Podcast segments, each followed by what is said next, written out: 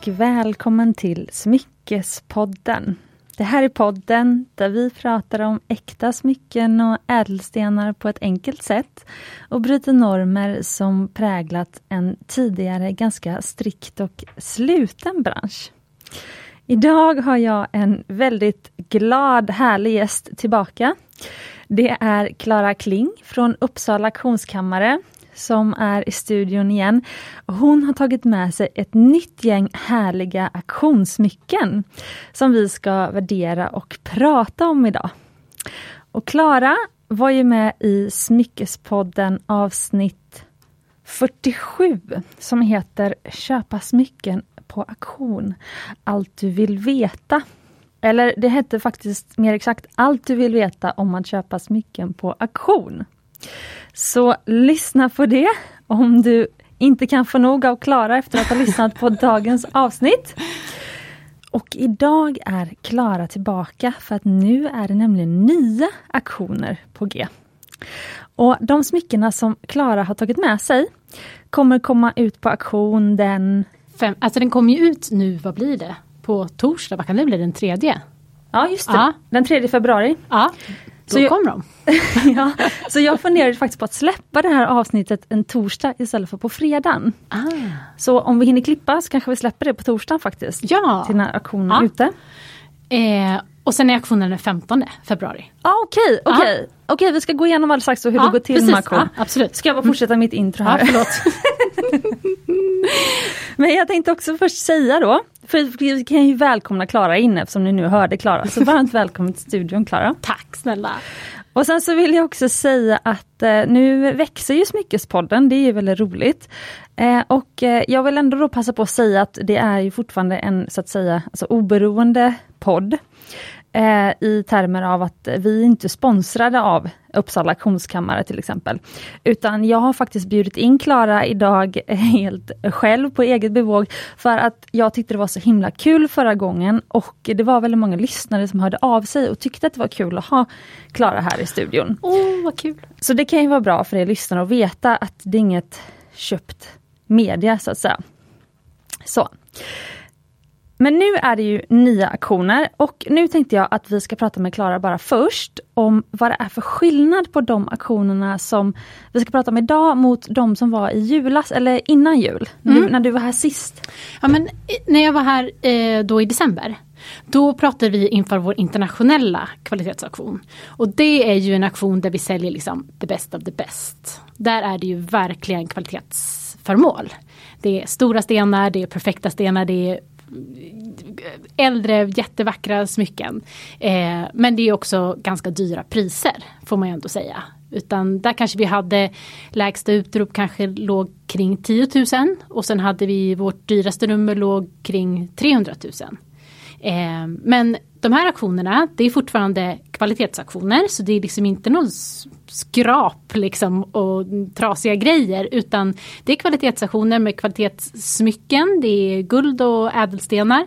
Eh, men det är lite lägre värden. Så att det vi ska kika på idag har ju värden som kanske börjar på ett par tre tusen och sen upp mot då kanske 10 000. För det jag kan se av de smyckena som ligger här framför oss nu och såklart så kommer jag ta bilder så att jag kommer lägga ut på Instagram, Smyckespoddens Instagram så ni också får se.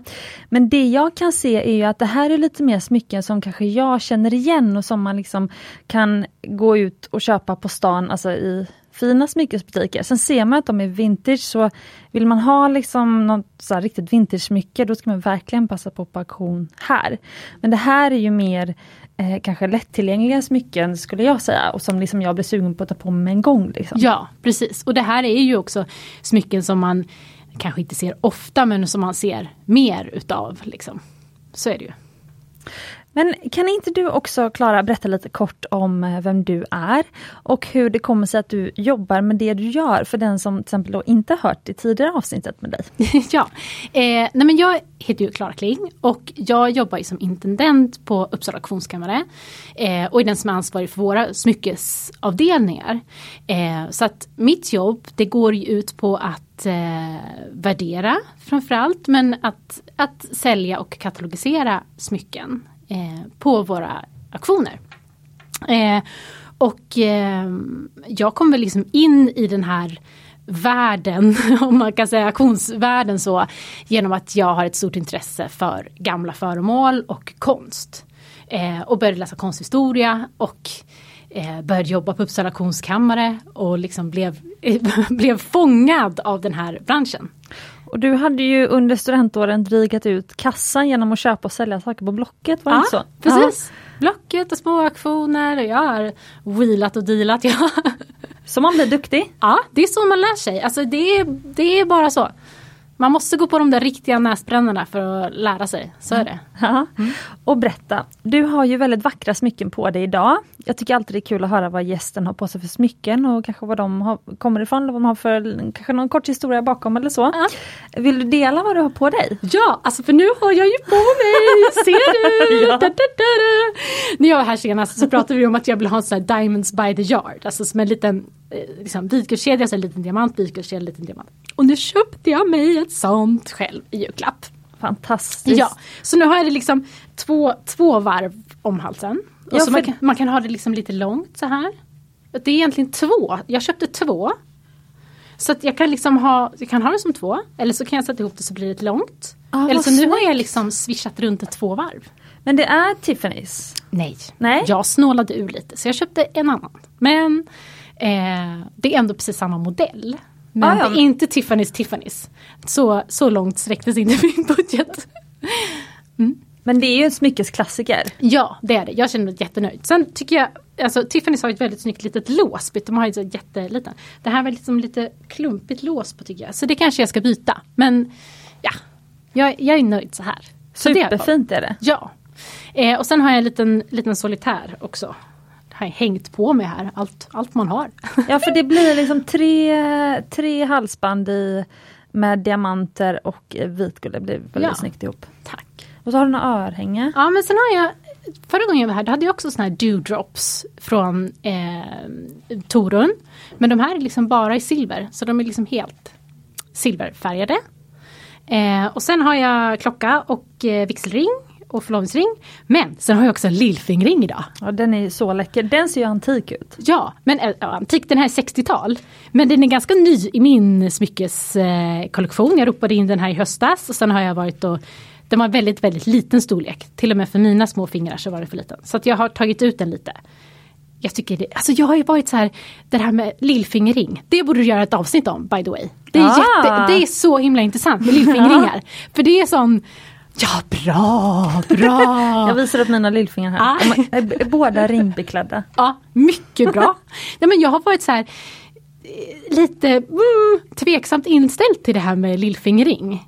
Jag kan tycka att det är så käckt på vissa. Och om man har liksom en, en vapenring eller så, absolut. Men också liksom att ha liksom en en, en, en ganska stor, tycker jag är ganska nice.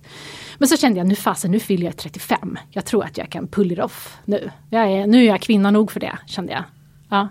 Så nu körde jag på Alltså jag skulle kunna rekommendera någon att de som första smycke investerar i en lillfingerring.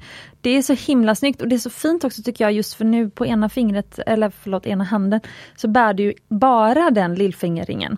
Och det är någon blå safir eller? Ja, precis. Ja, det är vitguld och så lite diamanter och så någon blå safir och sådär.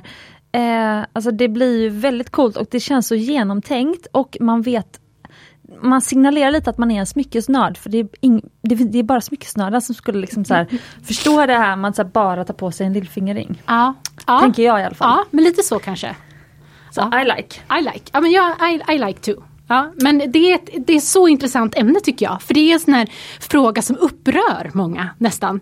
Alltså jag, som, nej men jag står, om man jobbar på en visning till exempel och det kommer in folk och provar. Och så är det ofta många antika ringar är ju ganska små i storleken. Och då säger man, ah, men du kan ju ha det på lillfingret. Och då är det många som är så här, ah, nej gud det kan jag inte. Oh, hur, oh. Att, de, att, det liksom, att det sitter i någonstans, att, man, att det är det där man kanske jag vet inte, det ser lite fånigt Eller jag vet inte vad folk tycker men det är många som liksom reagerar väldigt starkt på lillfingring. De har ju inte lyssnat på Smyckespodden och uh, har liksom inte tänkt på att man får gå utanför ramarna. Ja, låter nej, det som. precis. Mm. Eh, men jag hade nog känt mig som en så här gammal kung eller något sånt där om jag hade köpt en antik ring, liksom antik lillfingerring. Det Aha. känns ju väldigt sådär, ja hade man inte den liksom Jag tänker att Gustav Vasa, eller Gustav Adolfs, den andra Adolfsson, han borde ju haft det. Absolut. Ja, 1500-1600-tal blir det väl. Ja. Får se om jag hade någon historia, jag är inte bäst på historia men Ja, okej. Men eh, vad kul. Jag ska påminna mig sen om att, nu glömde jag min mobil i kapprummet, men påminn mig sen om att jag ska ta kort på dina smycken, Ja, om du har mm. på det också, det var väldigt fint. Så kan jag dela på Instagram. Tack. Okej, men eh, också för nu nytillkomna lyssnare, eller bara de som vill fräscha upp minnet. Eh, hur går eh, smyckesaktioner till? Tänkte vi ska gå igenom det lite, lite kort innan vi dyker ner i de här härliga smyckena framför oss. Men ja, vi börjar med den frågan då. Ja. Hur går auktionerna till? Alltså det är lite olika på olika auktionshus. Men så som vi jobbar, vi har ju inga såna här löpande liksom, online-auktioner som bara ligger och lägger ut massor utav varor. Utan vi samlar ihop föremål som vi tycker om, som har god kvalitet. Och så samlar vi ihop dem, sen har vi en, eh, liksom en, auktions, en auktion, ett auktionstillfälle så att säga. Eh, och hos oss så funkar det så att vi eh, vi har ungefär kan man väl säga en auktion i månaden. Eh, och som på den här auktionen då till exempel så kommer katalogen ut nu den tredje. Och sen ligger det ute då ända fram till auktionen den 15. Och däremellan så kan man lägga bud på nätet. Man kan läsa all information om det. Man kan också gå på visning. Och katalogen ligger som pdf på nätet då? Nej, den Nej. ligger som en, vad ska man säga, som på en vanlig hemsida. Som att du klickar i en webbshop liksom. Ah, Fast du okej. kan lägga bud istället på saker och ting. Ja, ja, okej. Ja. Eh, och ehm, ja, sen är det en, en klubbauktion helt enkelt. Så att eh, vi står där med klubban i hand och rop, ropar ut smyckena. Och då kan man antingen sitta med i salen, som på gamla goa tiden, och ropa in grejerna. Eller man kan sitta hemma. Det är liksom livestreamas så du kan sitta hemma och klicka. Eller du kan be att få bli uppringd till exempel. Så ringer vi upp och hjälper till med budgivningen via telefon. Så man kan vara med liksom på lite olika sätt.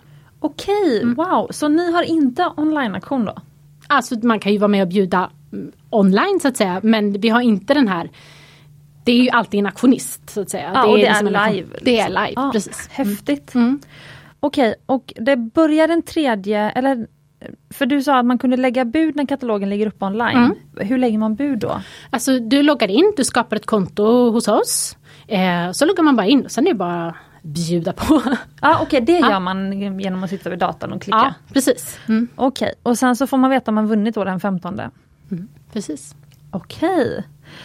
Spännande. Mm. Men då kanske när man sitter nu och lyssnar på podden och så tänker man så här, men vågar man köpa smycken på auktion?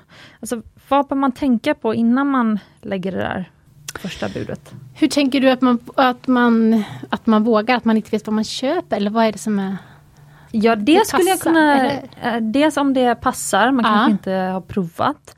Eh, och sen så kanske hållbarheten, kanske om det är gamla smycken så vet man liksom inte riktigt om de kanske kommer att hålla så Ja. länge. Och så vet man inte, men säg att en sten skulle falla ur då Mm. säger vi. Och man behöver ändå ta hand om sina äkta smycken, så även välgjorda äkta smycken kan ju en sten falla ur i, Mm. beroende på vad smycket får vara med om. Mm. Eh, liksom finns det då någon sån här guldsmed via er man vänder sig till? Eller liksom hur, alltså det här, liksom, vad finns det för eh, liksom, eh, ja, men säkerhet, efterservice Ja. och sånt, tänker jag i alla fall. Ja, ehm, alltså man kan väl säga det, vi skriver ju alltid en, en konditionsrapport på alla smycken som man säljer. Och då kan det till exempel stå, ja men är det en skadad klo eller det är liksom ett slitage på det här eller den här diamanten har fått sig litet nagg eller vad, vad, vad det nu än må vara. Vi har ju liksom gått igenom sakerna och skriver en, en konditionsrapport. Men sen får man ju vara medveten om att det man köper är ju på på andrahandsmarknaden så att säga. Så man har ju en, en plikt själv då om man får säga så att, att undersöka det man, det man köper. Eh, och man kan ju alltid också kontakta någon av oss. Alltså kontakta mig och fråga. Ja men jag är lite sugen på att köpa den här ringen. Hur ser det ut egentligen? Hur är det med slitaget? Det står att det är en skadad klo. Så kan jag liksom undersöka det och se. Behöver man göra någonting åt det? Liksom? Eller hur, hur funkar det? Mm. I, i, I mina öron så låter det då som att man kanske inte ska, om man är helt ny på äkta smycken, Mm. så kanske man kanske ska, det, det kanske är svårt att köpa alla sina smycken på auktion för innan man, för jag tycker att man lär sig om sina smycken medan man bär dem. Och Absolut. det kan vara bra att så här ha, kanske köpa från alltså från guldsmeder men Mm. de gör ju från återvunnet guld, det är ändå väldigt Mm. bra produktion. Så, Ja. eh, med kanske sina första smycken eller Mm. liksom vissa smycken och då vet man ju att så här, det här kan jag lämna in varje år och få service och ganska safe. Och sen så Mm. har man sina sådana där praktexemplar, sina cocktailsmycken, de Ja. kanske kommer från auktion eller sådär. Precis, för, för det är ju så att många antika smycken de är ju inte gjorda för att man ska bära dem varje dag. Det var ju Nej. någonting man tog på sig när man gick på fest och så var man på den här fantastiska tillställningen. Så kom man hem, tog av sig det, la sig det i etuiet. Kanske inte på det sättet som vi bär mycket många gånger idag. Att Man har det till vardags. Så många ädelstenar tål ju inte att bäras hela tiden. Till exempel en ring med en smaragd i. Har man den på sig varje, varje, varje dag så kommer den smaragden att bli sliten och kanske förstörd. Så att eh, det får man också ta kanske med i beräkningen att, att alla smycken är inte gjorda för för den här tiden eller vad man ska säga. Men så är det ju med, med allting. Alltså om man, om man nu köper en, en antik byrå till exempel. Då får man kanske tänka på att man får vara lite rädd om den. Man kanske inte kan ha den i hallen och slänga eh, sina blöta vantar och eh, nycklar på. För det kanske, faneringen kanske går sönder. Så, så Mm, är det det var ett bra ja. exempel faktiskt. Ja, Mm. man får vara lite, lite försiktig om vissa saker. Men det är också det som är härligt för de smyckena som ligger framför oss nu. Det är såna här riktiga härliga showpieces, det är mycket härliga färger. Alltså man blir väldigt sugen på att slå till. Eh, samtidigt som liksom, det är ju inte de mest liksom, det är icke uppseendeväckande smyckena, alltså de blir ganska uppseendeväckande när man har på sig dem. Eh, så det blir verkligen så här den sista, liksom, eh, sista grädden på moset i sin smyckesgarderob. Då kan man slå till på de här härliga auktionssmyckena. För det som är så bra, som ni kommer märka också nu när ni lyssnar, det är att de säljs ju ofta med väldigt mycket rabatt. Ja, det kan man ju säga. För att ehm, jag tänkte vi kan gå igenom det lite kort bara för att när ni kommer sen gå in på auktionen om ni blir sugna på att buda. Då kommer ni se att det finns ett bevakningspris och ett utropspris. Mm. Och vad är då skillnaden mellan bevakningspris och utropspris, Klara? Alltså ett utropspris brukar vi säga, det är liksom en lågt satt värdering. Det är ungefär där vi tror att värdet, eller bör, värdet bör ligga. Som lägst? Som, ja, som, alltså, vi tycker, om jag tycker så här, ja men den här, den här ringen den, den, behöver, den borde kosta någonstans kring 12-15 000 kanske. Om jag skulle liksom sätta ett, ett utropspris då på liksom 15 000 kanske inte skulle få igång någon budgivning. Det skulle liksom stanna upp. Vi vill få in så många budgivare som möjligt. Det är lite som så här lockpriser på, på lägenheter typ. För det låter lite fult. Men då sätter man kanske ett utropspris mellan 10 och 12 000. Man vill ta in så många som möjligt som vill vara med och bjuda. Och så sätter man ju ett bevakningspris och det är ju egentligen under den nivån som säljaren inte vill sälja. Vissa säljare har inget bevakningspris. De vill bara bli av med grejerna. De kanske sätter ett bevakningspris på tusen spänn. Bara, bort med skiten, jag vill inte se den här ringen igen. Liksom. eh, men vanligtvis så sätter man ett bevakningspris som är 80% av nedre utrop. Alltså utrop 10 till 12, bevakning 8. Och så kanske man hoppas att det säljs för 15 då. Ja, precis. Det är det man hoppas på. För det som är skillnaden med lägenheterna är ju faktiskt att ni säljer det om man har sån tur och att man kanske det är inte många som är inne och kollar på just det smycket just då Mm. så man får den där liksom lågt satta värderingen så Mm. man vinner smycket på det. Då Mm. har man ju liksom yay. Yay, verkligen yay. Men det jag kan säga då som ändå jobbar med att producera smycken också, alltså, eh, som har lite koll på liksom de kost kostnaderna vad det kostar att göra smycken. Eh, det är ju att det här bevakningspriset som Klara pratar om, som är det här 80% av den lågt satta värderingen, som man inte vill sälja under, det är i princip liksom guldet och materialvärdet i stenarna. Och det man inte har tagit med och det som liksom är borta i auktionssmycken, det är ju alla hantverkstimmarna som är nedlagda. Så därför, jag som liksom älskar smycken och är liksom nörd och liksom har lärt mig liksom genom åren som jag jobbat med det. Det jag håller utkik efter på auktion, det är sådana liksom intrikata designs, alltså när man märker att så här, det här är hantverk. Och jag, alltså ofta så, så kan jag gå in på någon auktionssajt eller på någon sån vintage-smyckesbutik och så kan ett smycke säljas billigare än vad jag skulle kunna producera för själv, alltså med mitt team. Eh, för att det kan vara så komplicerad design så de hantverkstimmarna inte, de är liksom borta ur, ur liksom ekvationen då. Eh, så att man kan göra verkligen klipp om man blir duktig på smycken. Absolut. Ja, Okej, vad kul! Ska vi se om jag hade... Jo, den sista frågan jag har innan vi går in liksom på huvuddelen, det är, finns det några dolda kost, kostnader som man bör vara vaksam på? Alltså när man, klupp, när man ropar in någonting på auktion, då tillkommer det ju en provision. Eh, och det är liksom betalt för, för mitt jobb eller för Auktionsverkets jobb. Eh, och det är ju 22,5 procent vanligtvis. Så det är utöver då det man, man Utöver, precis. budar hem? Okej. Mm. Okej, finns det något annat som du tycker att folk borde veta innan man liksom sätter igång och budar på auktion? Nej, jag tror inte man ska vara så himla rädd bara. Alltså det känns som många är så himla nervösa. Att så, åh, jag tänker, åh, tänk om det inte blir bra, tänk om det inte blir rätt. Nej, men då kan man väl sälja det igen. Alltså det är inte hela världen, tänker jag. Alltså, eh, det är det som är så himla bra när man köper någonting på auktion. För att det finns ju någon som är villig att betala nästan exakt lika mycket som du är villig att betala. Så att om du inte trivs med ett år, ja men låt det, sälj det igen då. Liksom. Bra så tips! Det. Så att var inte så rädd. Det är, det är, mitt, det var inte, det är mitt tips. Jättebra tips! Ja. Okej, eh, men då kör vi igång! ja!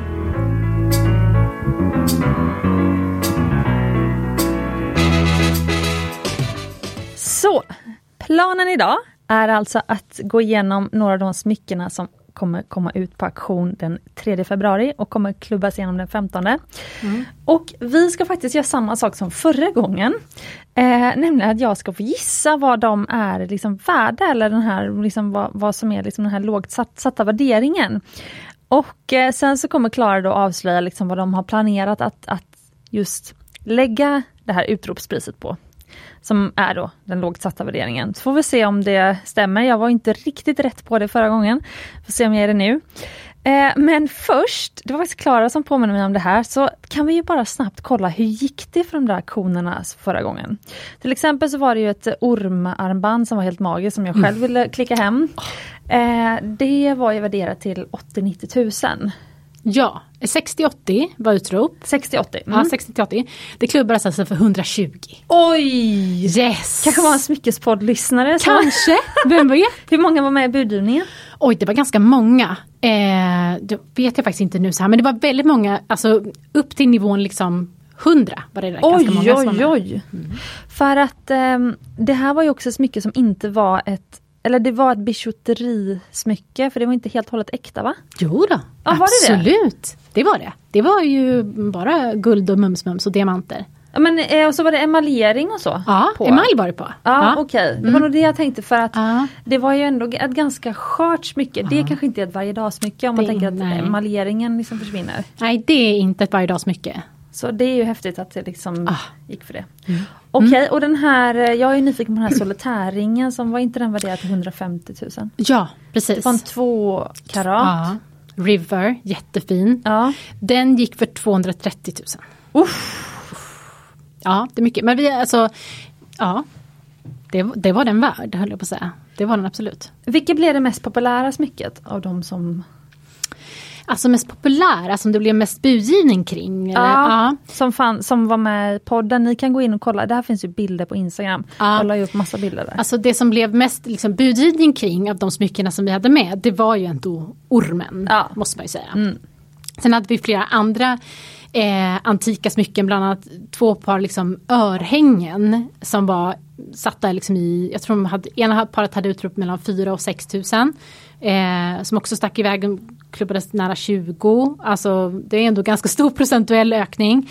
Eh, så det var flera sådana där mindre saker som stack iväg. Men de var också jättefina så jag förstår det. Men, ja. Kul. Mm. Finns det något annat du vill dela från förra auktionen eller ska vi hoppa in på de här nya smyckena? Ja men vi hoppar in på det nya tycker jag.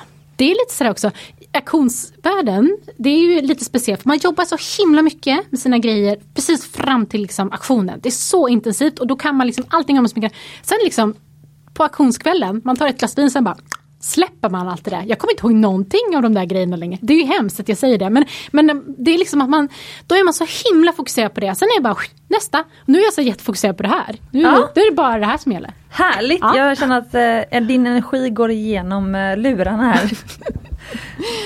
Okej, och eh, jag ska få välja vad vi börjar med. Då ska vi se, då, det som är spännande här är att nu har Klara liksom klustrat ihop några smycken ihop. Och du sa innan att det, de vissa smycken är meningen att de ska säljas ihop. Nej men eh, ibland är det så, vi, eftersom vi har en värdegräns på 3000 kronor.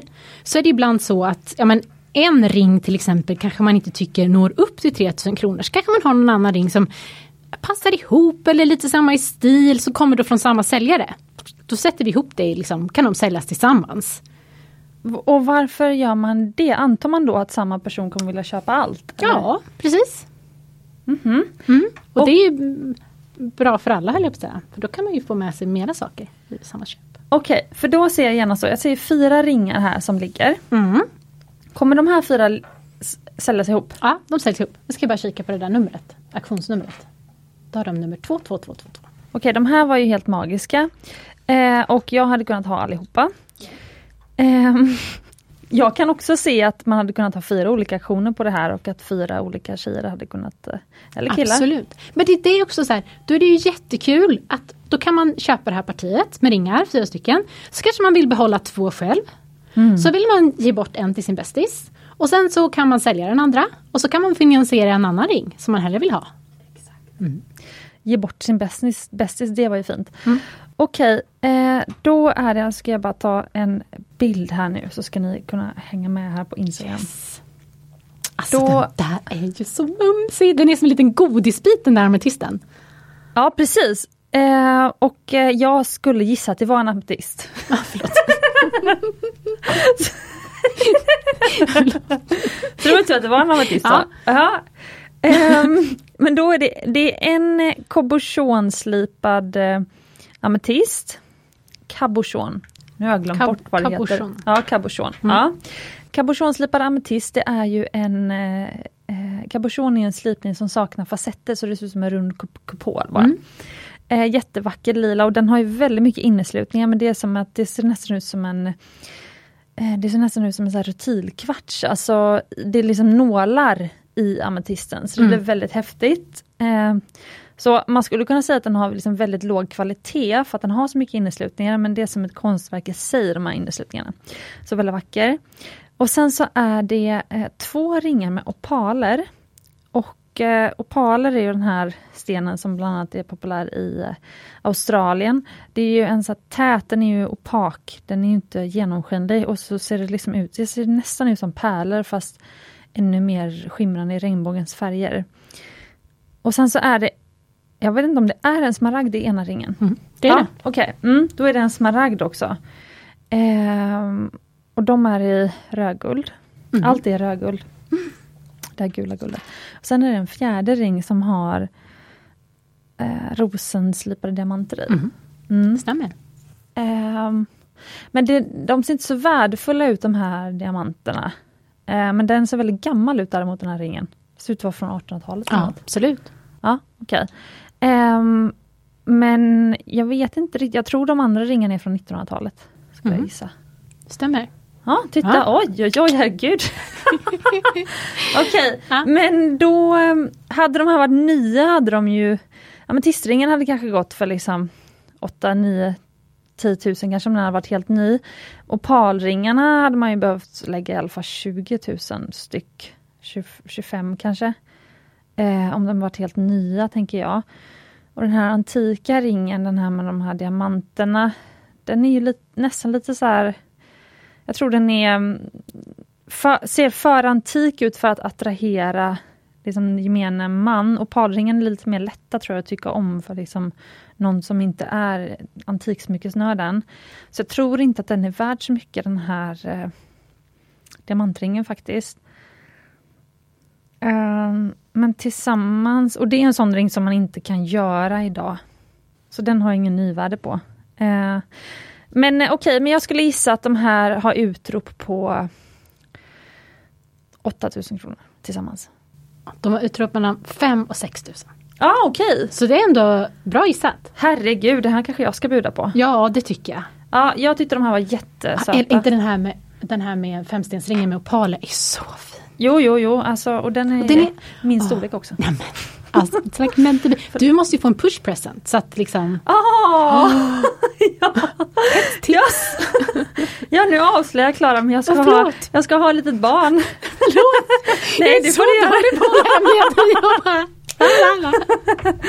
Ja, nej men eh, vecka 28 är jag i. Ja. Ja, så det är ju ingen hemlighet längre. De som ser mig ser, men i, i lurarna så ser man inte riktigt. Nej, förlåt. Men det är sant, jag måste ha en push present, jag Ja. håller med. Jag Ja. måste ha många push presents. Ehm, jag har till och med spelat in ett avsnitt om push presents. Men jag börjar känna det själv att vilken, vilka, vilken press det blir på att ha en, det är ju liksom presenten med stort P. Hur ska man kunna välja något för ens barn? Alltså det, Åh, gud ja. vad hade du för pushpresenter? Du har ju två söner. ja, alltså gud jag skäms ju för det här. Jag, först när Ivar kom, då, alltså Olle du vet, han är ju inte någon juvel eh, person. Då fick jag en ryggsäck och en dynjacka. ja, Praktiskt, ja. Det låter som Praktiskt. min kille. Ja. ja. Men nu när Axel kom, då fick jag ändå det här eh, Torunhalsbandet som jag höll Ja, på med sist. okej. Ja, Ja, så fint.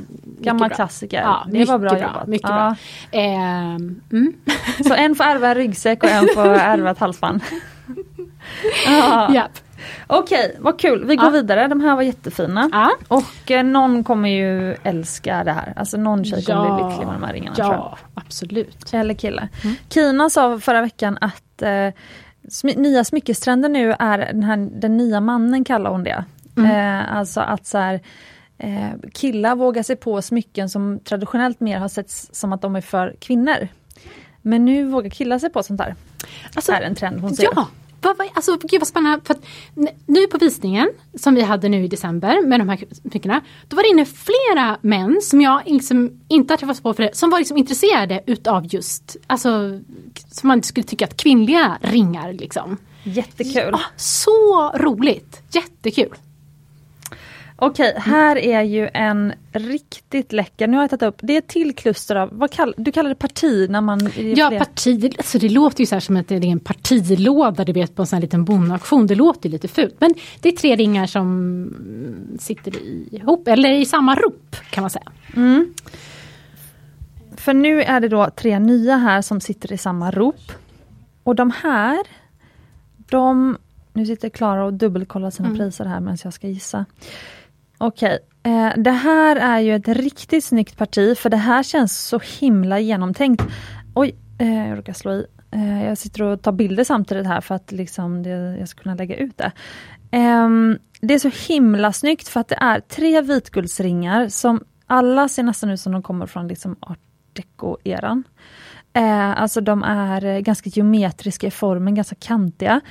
De är alla vitguld och sen så har den ena har en svart sten, jag gissar på att det är onyx. Och den andra har en rubin och den tredje har smaragder och diamanter. Så att det är så här grönt, rött och svart och vitguld. Alltså det är ju sjukt snygg färgkombo i de här tre ringarna tillsammans. Så att bära dem ihop och liksom på varsitt finger kanske. Alltså det är ju, här har man ju börjat sin smyckesamling rätt bra bara där om man klickar hem de här tre. Eller hur? Alltså det, för det är också den här, den här, jag tror faktiskt att det är en Safir, eller det är en Safir vet jag. Ja, Som det är en svart. Safir. Och den, Eller väldigt, väldigt, ja, ah, väldigt mörkt blå. man kallar det för. Eh, Bläcksafir. Bläcksafir kan man Ja, kalla det för. väldigt mörkt blå är den, det stämmer faktiskt. Den kan man ju ha som lillfingering. Ja. Kolla så bra. Och sen så kan man ha Titt så bra. Och sen så den här alliansring, den är ju helt fantastisk tycker jag. Ja. Den är alltså från 1935. Nej. Jo, den är så fin och den är i platina. Där får man Ja, säga platina. De andra är vitguld, eller alla är Nej, platina? den är också platina, den är platina, den är vitguld. Ja, rubinen är vitguld. Ja. okej. Eh, men alliansringen är så fin. Och där har man ju också så här, när det gäller en sån hel alliansring, den är ju svår att ta ut. Du måste ju ha den storleken. Nu ska vi se vilken storlek det är. Det är 16,5 på den. Så snygg. Den är så fin. Men det ska jag säga, det saknas en smaragd i den. Ja, det ser jag nu.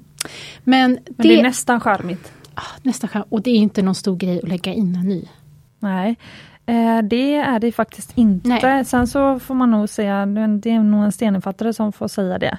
Ja. Men det går nog att lösa. Ja. Risken är att, att lägga in den en, att hitta en sån, eller sli- slipa upp exakt rätt storlek på smaragd Mm. och att sen eh, göra arbetet. Det kan ju kosta, Det kan kosta. inte lika mycket som ringen men en liten slant. Men Mm. där får man också ge ett tips, alltså Carolina Victoria som har varit här Ja. flera gånger innan. De har ett jättebra lager med just eh, gamla stenar. Så Jaha. har man en typ gammelslipad sten som har trillat ur någonstans, då kan de ha en sån på lager. ah, det visste inte jag! jättebra. Så att eh, de kan man höra med. All right. Mm.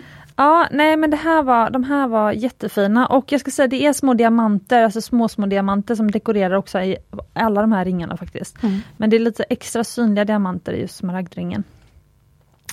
Eh, Okej, okay, det här var jättesvårt. Eh, de, jag ser ju att det inte är några jättehögkvalitativa stenar med dagens mått mätt. Alltså, skulle du köpa en rubinring idag skulle du antagligen få liksom en klarare, rödare rubin. Och, alltså färgädelstensslipningsutvecklingen har ju gått framåt sedan 1935 om man säger så. Mm.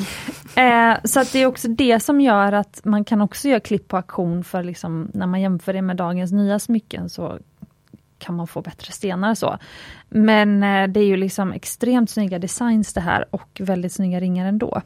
Och man kommer undan med allt när det är vinter känns som. Eh, Okej, okay, men jag gissar att de här kommer ut för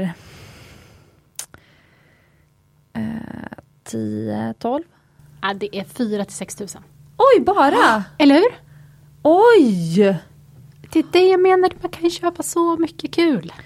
Alltså jag känner att det här var ju jättekul att göra på podden för att det här är ju sånt som nästan vem som helst, alltså som sparar mm. Ja. och som verkligen är smyckesintresserad har ju råd med det här. Till Ja. skillnad från förra auktionerna. Ja, för det är det som är så himla kul. Att det är ganska många som man, alltså man kanske kan avvara ett par tre tusen och det kan man liksom få ett ganska kul smycke för. Som är ett bestående värde också. Det är inte som att gå och köpa sig en, ett par stövlar eller en topp som du har två eller tre säsonger och sen är det slut. Utan det här är någonting som håller. Och här får du en stack med ringar också. Mm. Okej, vi går vidare till ett annat underbart smycke tycker jag. Ja, take it. Okej, vill du beskriva det här för lyssnarna? Ja, vänta ska vi se. Jag ska ta fram det bara här på mitt lilla system. Eh, då ska vi se. Det är alltså ett armband och det är i vitguld och det är besatt med eh, briljantslipade diamanter. Och de är totalt 1,75 karat. Eh, och sen är det smaragder och de är smaragdslipade ser det ut som, härifrån i alla fall. Eh, och det är 0,8 karat. Eh, och det är riktigt gnistrigt och blingigt. Mycket bling for the buck, som man kan säga. Vilken metall var det gjort av? Eh, vitt guld. Det var vitt guld. Mm. Okej. Ehm, så att jag tittar på det här så jag glömde bort att lyssna. Hur många karat diamanter är det? 1,75. 1,7 och 0,8 smaragder? Japp. Ja, okej. Ehm, och ska jag säga då att karaten är alltså, när man säger karat så då menar man, då har man räknat ihop summan av de stenarna som Mm. är i. Ja. Så det är ganska många diamanter, många mindre diamanter men tillsammans så väger de då, Mm. för karat är en vikt, så väger de då 1,8 Precis. karat. Ehm, det här är ju ett sånt smycke som är alltså sjukt svårt, svårt eller ska jag säga dyrt att göra helt nytt. Så det här är ju ett sånt smycke som man verkligen skulle, det skulle verkligen löna sig att klicka hem det på auktion för att göra det nytt i ateljén skulle vara, kosta 40 40-50 tusen tror jag. Man hade behövt sälja det för i alla fall. Mm.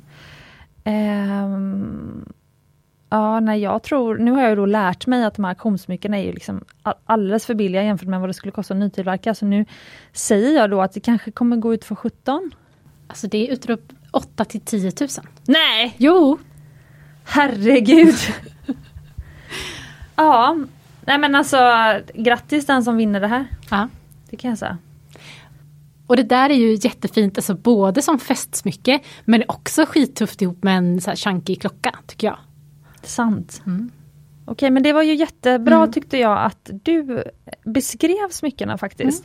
För att då vill jag att du beskriver nästa smycke och det är det här underbara. Ja, det är tre stycken pärlkollier. Ja, ah, okej. Nu ska vi två, 224 ska vi se, är auktionsnumret 224.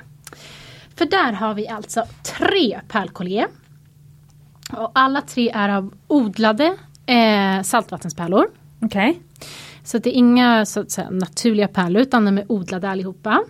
Eh, vi ska se, första låset är eh, besatt då med en opal och pärlor. Eh, och det är gjort utav eh, BJG Design 1982. En juvelerare i Saltsjöbaden. Eh, sen har vi det här andra som har då ganska stora barocka eh, pärlor. Också ett lås tillverkat av samma guldsmed. Men här är det i eh, rött guld och vitt guld, diamanter och en liten cabochonslipad eh, rubin. Och tredje låset, där har vi ett lås som är 14 karats guld med små rubiner och en pärla i mitten. Och det här är ju liksom, tycker jag, jättekul för man kan ha dem, man kan bära dem allihopa tillsammans och ha det så här jättechunky upp i halsen. Du skulle kunna gå och trä om dem. Du skulle kunna använda låset till någonting annat, sätta låsen bara på en tunn kedja istället, inte ha dem som liksom ett pärlkollielås eller göra en ring utav det eller och det där, det här med opalen som du nu öppnar. Det ja, är jag vill himla- liksom ta på mig de här. Ja, och det är så himla kul. För det är också trätt så att de stora, de är liksom lite doserade, så de är lite olika storlek. Och då är de största pärlorna närmast låset, så låset ska ligga liksom lite snett fram. Det är inte ett lås som är gjort för att sitta i ryggen. Nej, Ska jag- det här är ju för vackert det här. Ska jag ta en bild på dig? Så du får Ja, gärna. Åh, så fint. får inte ens på mig det. Det kan vara ett sånt där också som vill vara åt olika håll eftersom det är lite doserat. Titt, titt. Alltså. Och det är så läckert tycker jag när det är så här lite tight i halsen. Ja, exakt. För jag har själv känner jag, alltså jag är lite sugen på pärlor. Mm. Och eh, jag tycker det är väldigt snyggt med pärlhalsband som är lite, alltså choker. Ja, Ehm, alltså vad, vad kallas det för? Dog? ja Collier. Ja, collier de chien. Alltså, ja. Ja, ah, det är på franska. Ja. Ja, ja, exakt så hundhalsband. Ehm, hur ser det ut? ja, men det är lite twistat. Jaha, okej. Får Men- komma och hjälpa mig då. Ja, vänta. Jag tar av mig de här nu. Okej, nu är jag, Mm. Nu, jag är inte så vänta. kunnig på pärlhalsband, för, eller i termer av att jag inte jobbat med det. Nej. Så att jag är ju inte, jag kanske här faktiskt är lite mer av, alltså, av, av en lyssnare här. Alltså jag kan ju inte jämföra med vad det kostar oss att producera.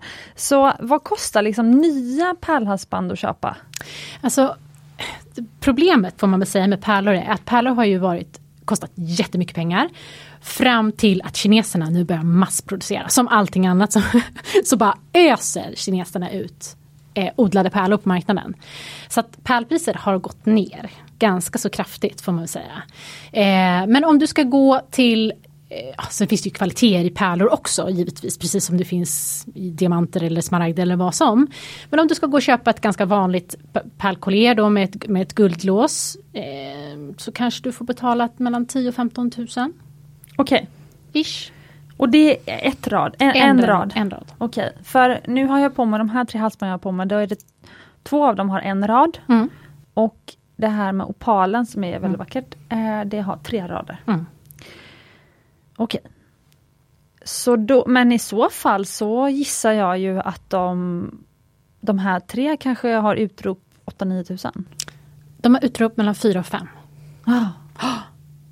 Alltså för det, det, det tycker jag är liksom nästan sorgligt. Många gånger på auktion, du kan köpa ett pärlkoré, jättevackra odlade saltvattenpärlor, fantastisk lyster för 1000 kronor. Ja. Alltså pärlorna kostar nästan ingenting och det är för att det finns för mycket. Och det har kanske inte heller varit någon trend, speciellt inte de här lite tunnare liksom pärlorna, de släta. Det som har kostat lite mer är ju kanske de här stora barocka, liksom lite tuffare pärlorna om man kan säga det. Det kan ju bli, det ser ju ganska snällt ut. Liksom. Precis. Ja. Men använder du pärlhals? Du har ju ganska så cool, lite så här rockig stil. Och li, nästan lite punk nästan. Tycker du? Åh Ja. vad glad jag blir när du säger det. Jag här noll punkig, men vad roligt, tack.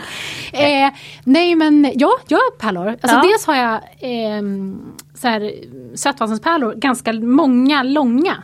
Ah, Som jag har tillsammans. Du kör Chanel?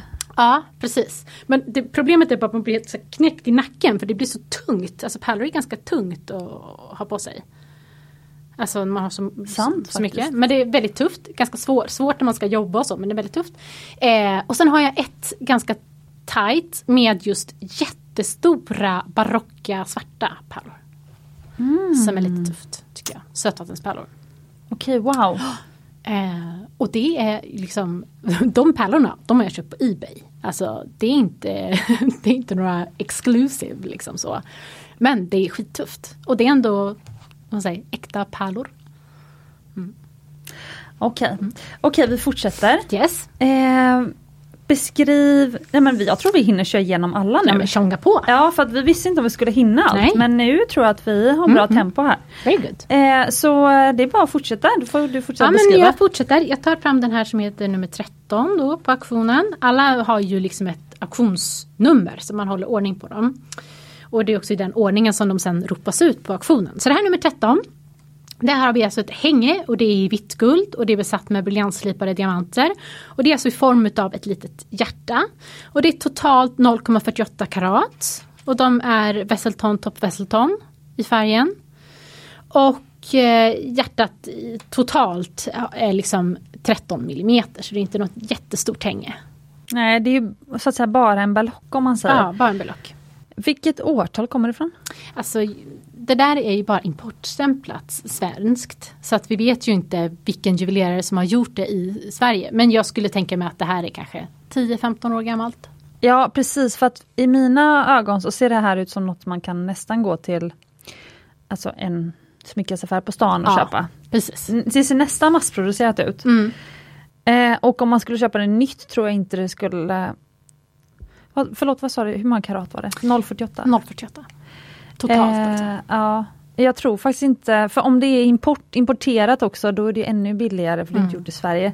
Så då, jag tror inte det kostar mer än 3000 kronor att köpa liksom, nytt i princip. Mm. Så kan, det kanske är utrop 1500? Det är upp 3-4. Va? Ja. Vad sa du, 3-4 tusen? Ja. Oj! Okej. ja. Men det är ändå så pass ganska mycket diamanter. Och det är ju mycket sånt där som, som många, många ändå vill köpa. Det finns ju Ja det är sant, Ah. ja det finns en stor marknad. det finns en marknad. Det är kanske därför jag inte går igång på det. Ja, det kanske är så. Ja. Ja. Okej. Ja okej, då har jag lärt mig någonting nytt där. Jag bara, älskar, du ser så härlig ut nu sitter du med alla de här pärlorna på dig. så love it alltså. Så härligt ut. Ja. Ser ut som en liten uh, herrgårdsdam. Jaha, absolut. Ja, vi fortsätter. Ja. Sen har vi ett litet enstenshänge. Mm. Nu ska vi se, nu tog jag bort lappen på det. Där har vi där. 3, 7, Och där ingår det en kedja också. Ja, en liten Venetialänk. Eh, där har vi ett enstenshänge. Och det är alltså vitt guld. Och det är besatt med en briljantslipad diamant. Och den är ungefär 0,4 karat. Och där har vi också att den är Top Vesselton i färgen och VS. Och det är också modernt eller? Ja, alltså det här är väl gjort kanske någonstans eh, 1970. Ja okej. Så att inte... Ja det är lite flower power faktiskt. Ja, det- Fattningen är ganska spännande för det ser Ja. ut lite som blomma. Ja, det är en liten blom, blomfattning liksom. Eh, men eftersom det ändå är en ganska stor diamant och eh, det var Top Vesselton. Mm. Eh, då är ju själva diamanten är ändå värd en hel del så du kan köpa det här och liksom sen sätta in det i en solitärring eller sådär om man inte vill ha. Så ehm, jag skulle nog säga att det kanske också går ut för, det kanske går ut för fyra eller något. Ja, alltså det är ändå ute för 68 tusen.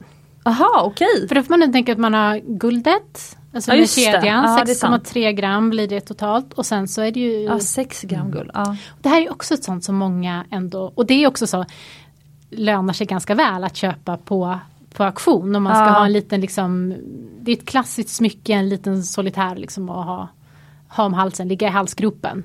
Det här skulle jag verkligen kunna se som så här dopgåva. Ja, liksom, eh, till en kär familjemedlem. Mm. Ja, nej men eh, okej, så Mm. att de klassiska smyckena de har ju högt andrahandsvärde helt enkelt. Det är ju bra att veta också när man, Mm. när man tänker själv att man investerar i smycken att Absolut. ju speciellare de är desto svårare kan de bli Ja. vara att bli av med på andrahandsmarknaden. Så är det ju.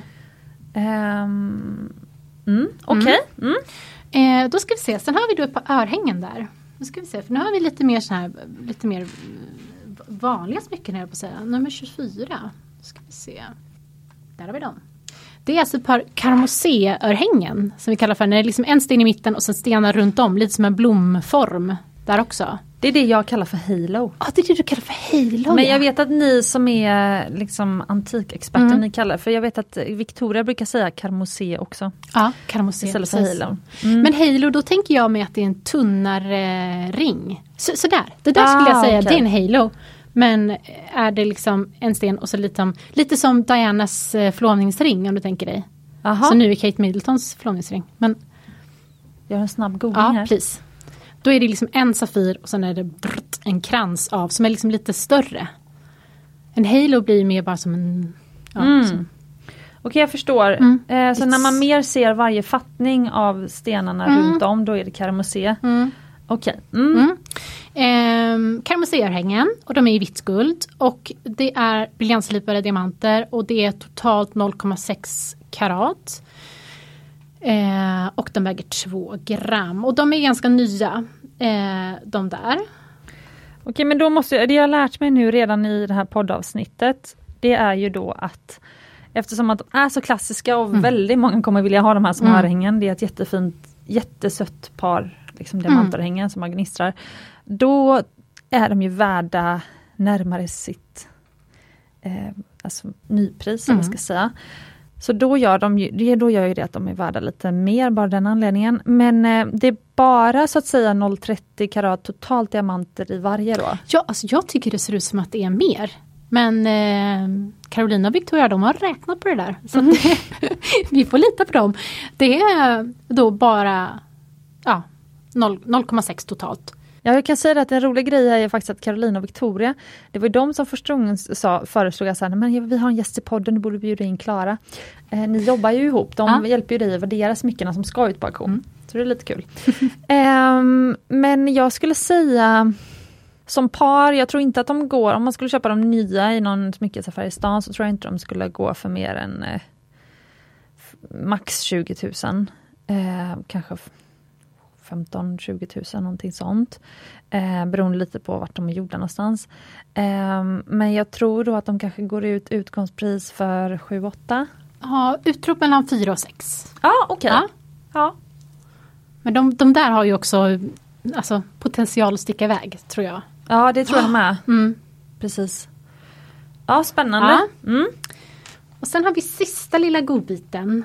Nu ska vi se, det är nummer 133. Det. Och där har vi då en ring och den är i guld 18 karat och den är beslatt med en gammalslipad diamant och den är cirka en halv karat.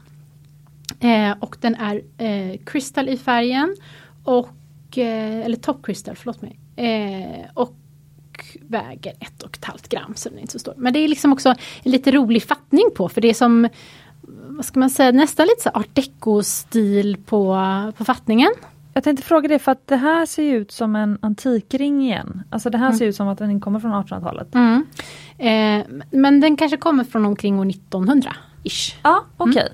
Eh, för det ser man ser att den är gammalslipad för att den har ju den är lite bulligare i formen, den är inte sådär jämn. Det är en rund sten men den är inte sådär jämnt perfekt briljantslipad. Så att man ser ju verkligen att det är liksom gammalslipad. Eh, jag hade ju kunnat köpa den här ringen bara för att sen ta ut diamanten och sätta ett annat smycke. Eh, för att verkligen här, låta diamanten få skina. För att det ser ut nästan, alltså fattningen ser ut nästan lite som så här vikinga Alltså det ser ut som att det är någon runsten eller en, jag vet inte hur jag skulle beskriva den. Den är ganska speciell. Ja, precis. ja, nästan lite så här grekiskt också. Ja, att det skulle ja. kunna vara så här hundtands eh, Ja mönster. precis, det var en bättre beskrivning. Mm.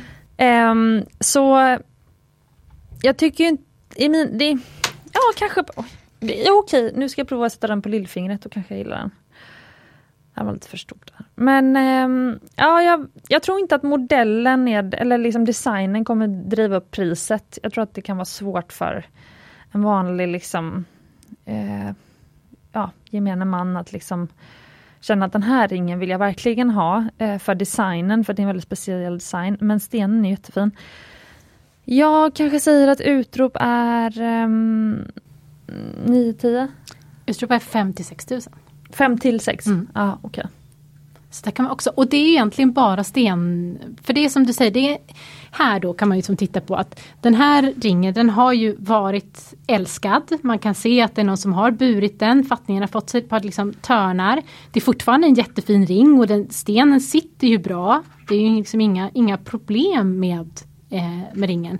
Men om man skulle vilja ta ur den som du säger och göra, göra någonting nytt av det så vore det jättekul. För det är en, så- alltså, gammelslipade diamanter har en sån härlig lyster alltså. Det är ja, inte det jag där, håller med. det är inte det där liksom vassa Nej. sparket utan De är det jättefina. mm, elegant alltså. Och det som, är, Väldigt elegant. det som är bra med diamanter just, till skillnad från, säg de här opalringarna som vi började med. Mm. Eh, de jag skulle ju Alltså det skulle vara hög risk att ta ut opalen och säga att jag ska ta isär de här och göra till nya ringar med samma stenar. Men för att opaler är så sköra så då får man nästan, man får gilla designen på ringen liksom, som den är tycker jag. Mm. Men de här diamantsmyckena, de kan man ju verkligen så ta isär om man vill mm. och liksom så mm. använda på nytt. Eh, och det är inte så hög risk, det kan ju finnas någon skada under en klo eller sådär. Men oftast kan man designa så man ändå kan fatta in det i ett nytt smycke mm. på ett bra sätt. Så diamanter är som bra så. Mm. Ja vad kul, det var ja, alles. Det var alles. Sen kommer det ju mycket mer, alltså det är nästan 150 nummer smycken på auktionen i stort. Så det kommer vara mycket, mycket smycken. Wow! Yes. Och hur ofta återkommer då sådana här auktioner? Alltså vi har ju nu en då i februari, sen kommer vi ha en i mars och en i april. Och sen är det dags för moderna och klassiska internationella auktionerna. Okej. Okay. Och eh, innan vi lämnar de här smyckena, mm. det vore kul att veta, vilka är dina favoriter? Av de här? Oh, nej, oh, för jag har ju missat den. Oj, oj, oj. Den, titta, titta den här. Den, och den vilken, vilken tur! Ja, för det är som en liten skattkista. Ja. Eh, oj, oj, oj. Ja, och titta här. Herregud. Inne, så ligger en liten antik oh, herregud. Den är alltså tillverkad 1804. Och den var ju magisk. Den har nummer oh. 477. Nu ska vi se så jag säger rätt här. Eh, där har vi den. Och det är alltså en guldring. Den är 18 karat och det är rosenslipade diamanter och det är blå emalj och sen är det filigranarbete som är runt omkring. Eh, och guldsmeden som har gjort den här heter Christian Henrik Klink. Och har gjort den här i Stockholm år 1804. Och den har fortfarande sitt lilla originaletui som är som en liten skattkista. Ja alltså ja. jag ska ju ta kort på själva oh, den där också. Så, det är så fula lappar här. Men den är så fin. Eh, den tycker jag är helt fantastisk. Annars om jag skulle välja från de här andra vi har tittat på, då är det här, först, eller det här partiet där man hade den här lillfingerringen med Safiren. Den här som eh, ringen med rubinen och sen alliansringen med diamanter och eh, smaragder. Alltså där får man ju liksom allt, allt i ett. En hel liten smyckeskollektion på, i ett nummer. Ja det håller jag verkligen med om. Det skulle jag tycka. Men även det pärlkolliet med eh, opalspännet som du har på dig är så jävla maffigt alltså. Ja men jag kan hålla med. Eh, och sen så älskar jag det här vitguldsarmbandet och även de här fyra med ametist. De vi började med tyckte ja. jag var härliga. Mm. Eh, men eh, jag måste bara fråga, mm. varför är den här den här eh, jag, jag har glömt bort vad du kallade den, men den här konst Filigran? Ja, filigran, precis. Mm. Varför är den med på den här aktionen? Den, jag känner att den skulle kunna varit med på den i julas. Ja, alltså det skulle den mycket väl eh, kunna vara. Liksom. Eh, men det här, vi bedömer att den här, nu avslöjar jag, men vi bedömer att den kanske har ett, ett värde någonstans 3, 4, 5 tusen. Nej! Jo! Herregud! Ja, jag vet. Hur, hur kan det, hur? Nej, men det, som sagt, det är ganska om du tänker om bara ser omkring oss liksom bland våra vänner. Kanske inte jättemånga som skulle vilja köpa den här och ha på sig den varje dag. Men vi som är lite nördiga vi tycker att det här är helt otroligt. Det är så himla tufft att någon har gjort, suttit och gjort den här liksom, tidigt tidigt 1800-tal i Stockholm. Eh, och att den har sitt lilla etui och det är liksom helt fantastiskt. Men det handlar ju om utbud och efterfrågan. Mm. Ja. Och jag kan tänka, hade vi tagit med den här på en av våra stora internationella auktioner, då kanske den hade mm, inte glömts bort. Men det är liksom, den skulle hamnat i skymundan av så mycket annat som kanske skulle vara ännu tuffare. Då är det nästan bättre att den får komma med på en sån här auktion och verkligen stråla. Liksom. För att det är ju väldigt, väldigt tufft med en så pass tidig ring i så fint skick. Håller med. Mm. Men vet du vad jag tror också? Nej. Jag tror att de andra auktionerna, de här lyxi, ännu lyxigare mm. auktionerna från förra, de hade, ja, den här, de, den här hade fått hamna bredvid dem. Mm. Då hade den ju varit billig i termer av så här, om man budar upp den här ringen till 10 000 mm. gentemot ormarmbanden som kostar 120 då hade ju det här känts som värsta klippet. ja. Så att så här, den hade ju känts billig så jag är lite sådär, undrar om den inte hade gått dyrare om den hade varit med i förra auktionen bara för att allt hade känts så billigt ändå. Ja, alltså det där är ju alltid en avvägning. Det här är ju sånt som vi diskuterar på jobbet ja, väldigt okay. mycket. Ja. Alltså på vilken, på vilken auktion ska man liksom presentera en vara? På vart får den störst utrymme? Vart kommer man kunna sälja den på bästa sätt? Ja. För det är ju vårt mål och säljarens mål att sälja det till högsta möjliga pris. Ja det är därför säljaren har valt det. Ja, eh, och då är det just det att i det här fallet så har vi tagit beslutet att vi tror att sälja den på den här liksom lite mindre auktionen så kommer den få större utrymme än vad den skulle fått om den hade hamnat på den internationella auktionen. Vi har ju ungefär samma typ av kund som kollar på båda, på båda auktionerna. Men då tror vi att den kommer sticka ut mer på den här auktionen och mm. därför mm. väljer vi att lägga den här och inte på en internationell. Det är säkert jätte, jätteklokt. Ja, men det är, det är precis som du säger, alltså det är sådana här saker som vi diskuterar hela tiden. Men det här är mest svenska designers då, för du kallar det andra mm. för internationell. Nu var ja. det någon importerad med. Mm, sådär, precis, men... Ja, men vi kallar ju de här eh, lite större aktionerna kallar vi för våra internationella kvalitetsaktioner. Och det är just för att vi många gånger riktar oss mer till en internationell marknad. Alltså har man någonting som är gjort i Sverige men har en jättefin kvalitet, då tycker jag absolut att det ska gå på en internationell auktion också. Men eh, på de här lite mindre kvalitetsaktionerna, där kanske vi har saker och ting som också riktar sig mer till en svensk marknad. Okej, okay. ja så, okej. Okay. Förstår, det är inte lika många internationella köpare då? Det är det som är, mm. okej, jag förstår. Okej, superkul! att eh, vi, jag tänkte att vi ska börja runda av. Mm. Men det som är roligt med att runda av nu är att den här säsongen så har jag förberett några frågor som jag tänkte ställa till alla gäster mm. som kommer hit. Mm. Eh, och eh, jag tänkte att det ska vi avsluta med. Ja. Mm. Och vi börjar med fem snabba. Och eh, tanken är att du svarar snabbt mm. utan att tänka och sen får du chans att förklara efteråt om du vill. Ja. Okej, är du beredd? Ja, jag är beredd. Vitguld, rödguld eller platina? Vitguld. Diamanter eller färgädelstenar? Diamant. Skräddarsy personliga smycken eller investera i klassiker? Åh, oh, svårt. Eh, klassiker. Halsband eller örhängen? Örhängen. Ringar eller armband? Ring. Herregud, jag känner att min puls ökar också här. är det någon av de här som du känner att du vill förklara lite extra? Eh, nej men det, den svåraste frågan är egentligen det där om man ska, om man ska satsa på klassiker eller liksom något liksom personligt just för en, för en själv. Och för det är ju så himla svårt, för, för både och är ju rätt tycker jag. Det, ju, det går nästan inte att, att välja. Faktiskt. Väl, väldigt svår fråga. Så varför tror du att du sa klassiker? För jag tror ändå att även om ens smak ändras ju hela tiden. Hade jag varit och gjort ett smycke för tio år sedan som hade passat mig perfekt då och eh, varit helt i min stil och smak då. Så tror jag ändå inte att det hade varit min stil och smak nu. Jag tror ändå att i så fall är det bättre att satsa på någonting som håller länge. Sen tror jag man kan ha roliga, kul saker också. Men... Och det vi lärt oss också då idag är ju att klassikerna också, om, om du väl tröttnar på din klassiker, mm. då kan du ofta sälja dem lite enklare på andrahandsmarknaden. Ja. Till ett lite högre pris. Ja. Mm. Okej, vad kul!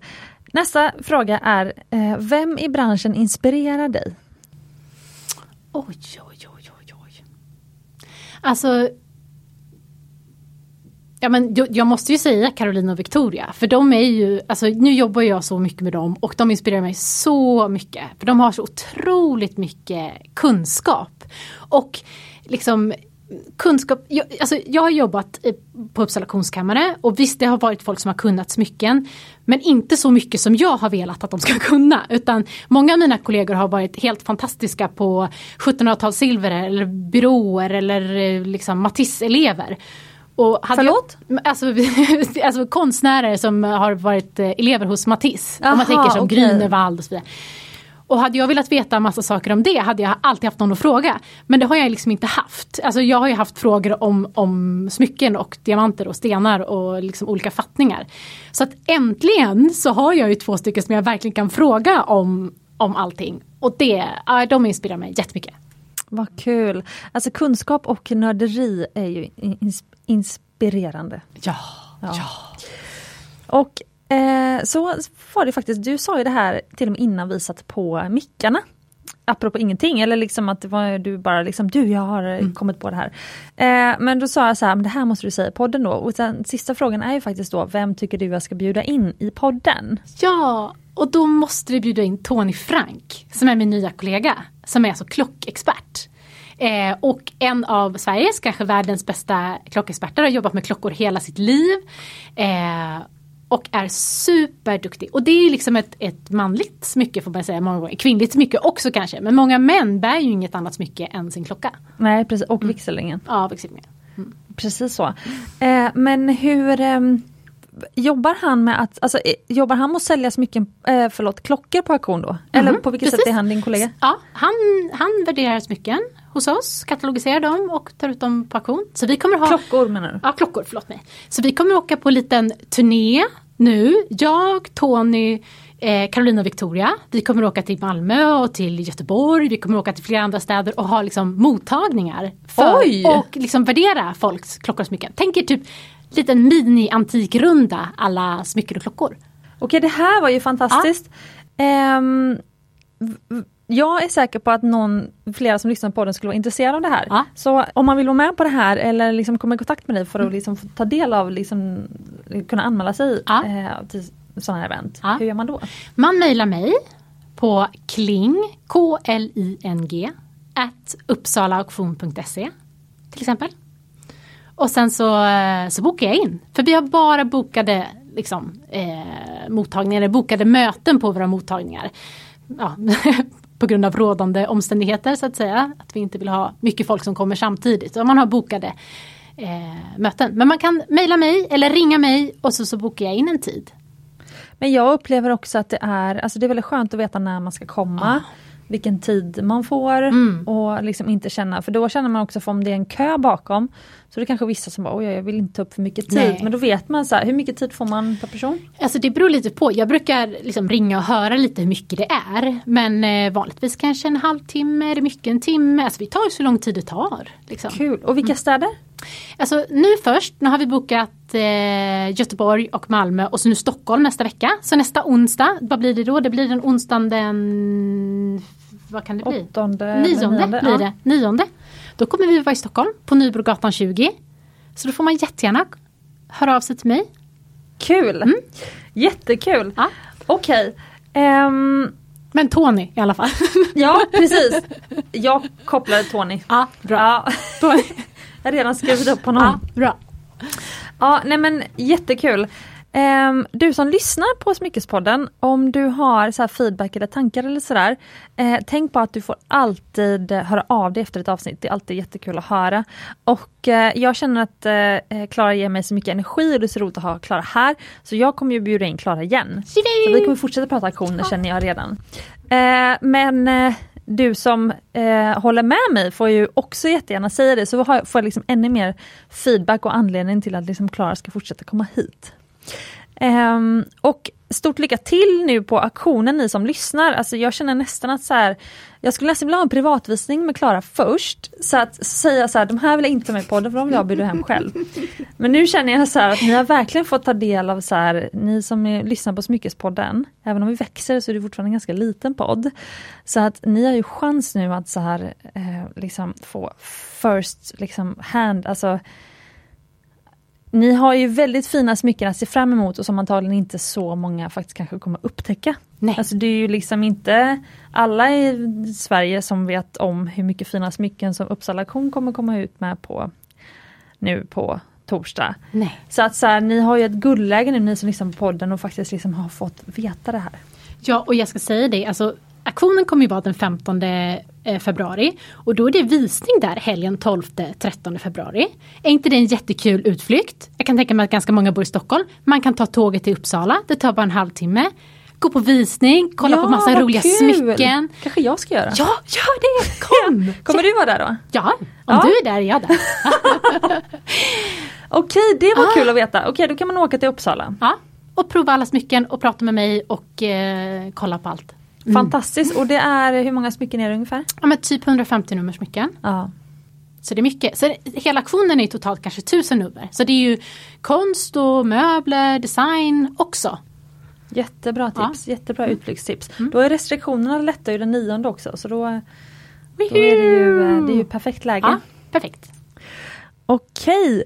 Ehm, precis som förra gången så kommer jag såklart lägga upp allt det här på Instagram. Så ni kommer kunna kolla i stories och ni kommer kunna kolla på i posts eh, på de här smyckena så ni kan liksom följa med. Och innan jag eh, säger tack så mycket till Klara för att du kom hit. Så vill jag eh, önska er en härlig dag och så vill jag också säga att Glöm inte att ni kan rita Smyckespodden på Spotify nu också. Eh, vi har fortfarande inte fått tillräckligt många ratings där så det syns inte. Eh, så för det står så här, det är inte tillräckligt många som har ratat så nu tjatar jag om att man ska rita. Okej, jag ska gå in och göra det direkt. ja men det härliga är faktiskt att, för när jag skulle gå in och rita själv, det skulle jag ja. såklart göra. Eh, då fick jag inte rita för det står du måste lyssna först. Alltså jag lyssnar ju på podden på iTunes. Ah. Så då fick jag bara lyssna på podden på Spotify istället. Ah, jag förstår. Men eh, lite poddtjat om det. ja. Eh, och Klara, har du något sista du vill säga till lyssnarna? Nej men väl, välkomna på visning ska jag säga. Ja. Och eh, kika in på hemsidan, kolla på smyckena, hör av er till mig om det är något. Om man vill följa dig på Instagram, eller ja. är det... Då har man, det är UAK Jewelry mm. i ett ord. Uppsala alltså auktionskammare Jewelry. Ja mm. precis. Mm. Härligt! Mm. Och eh, ja, nej, men stort tack för att du tog dig tid att komma hit idag med alla underbara smycken. Komma. Så Jättekul. roligt! Mm. Och glöm inte du som lyssnar att du är värd äkta smycken och ädelstenar.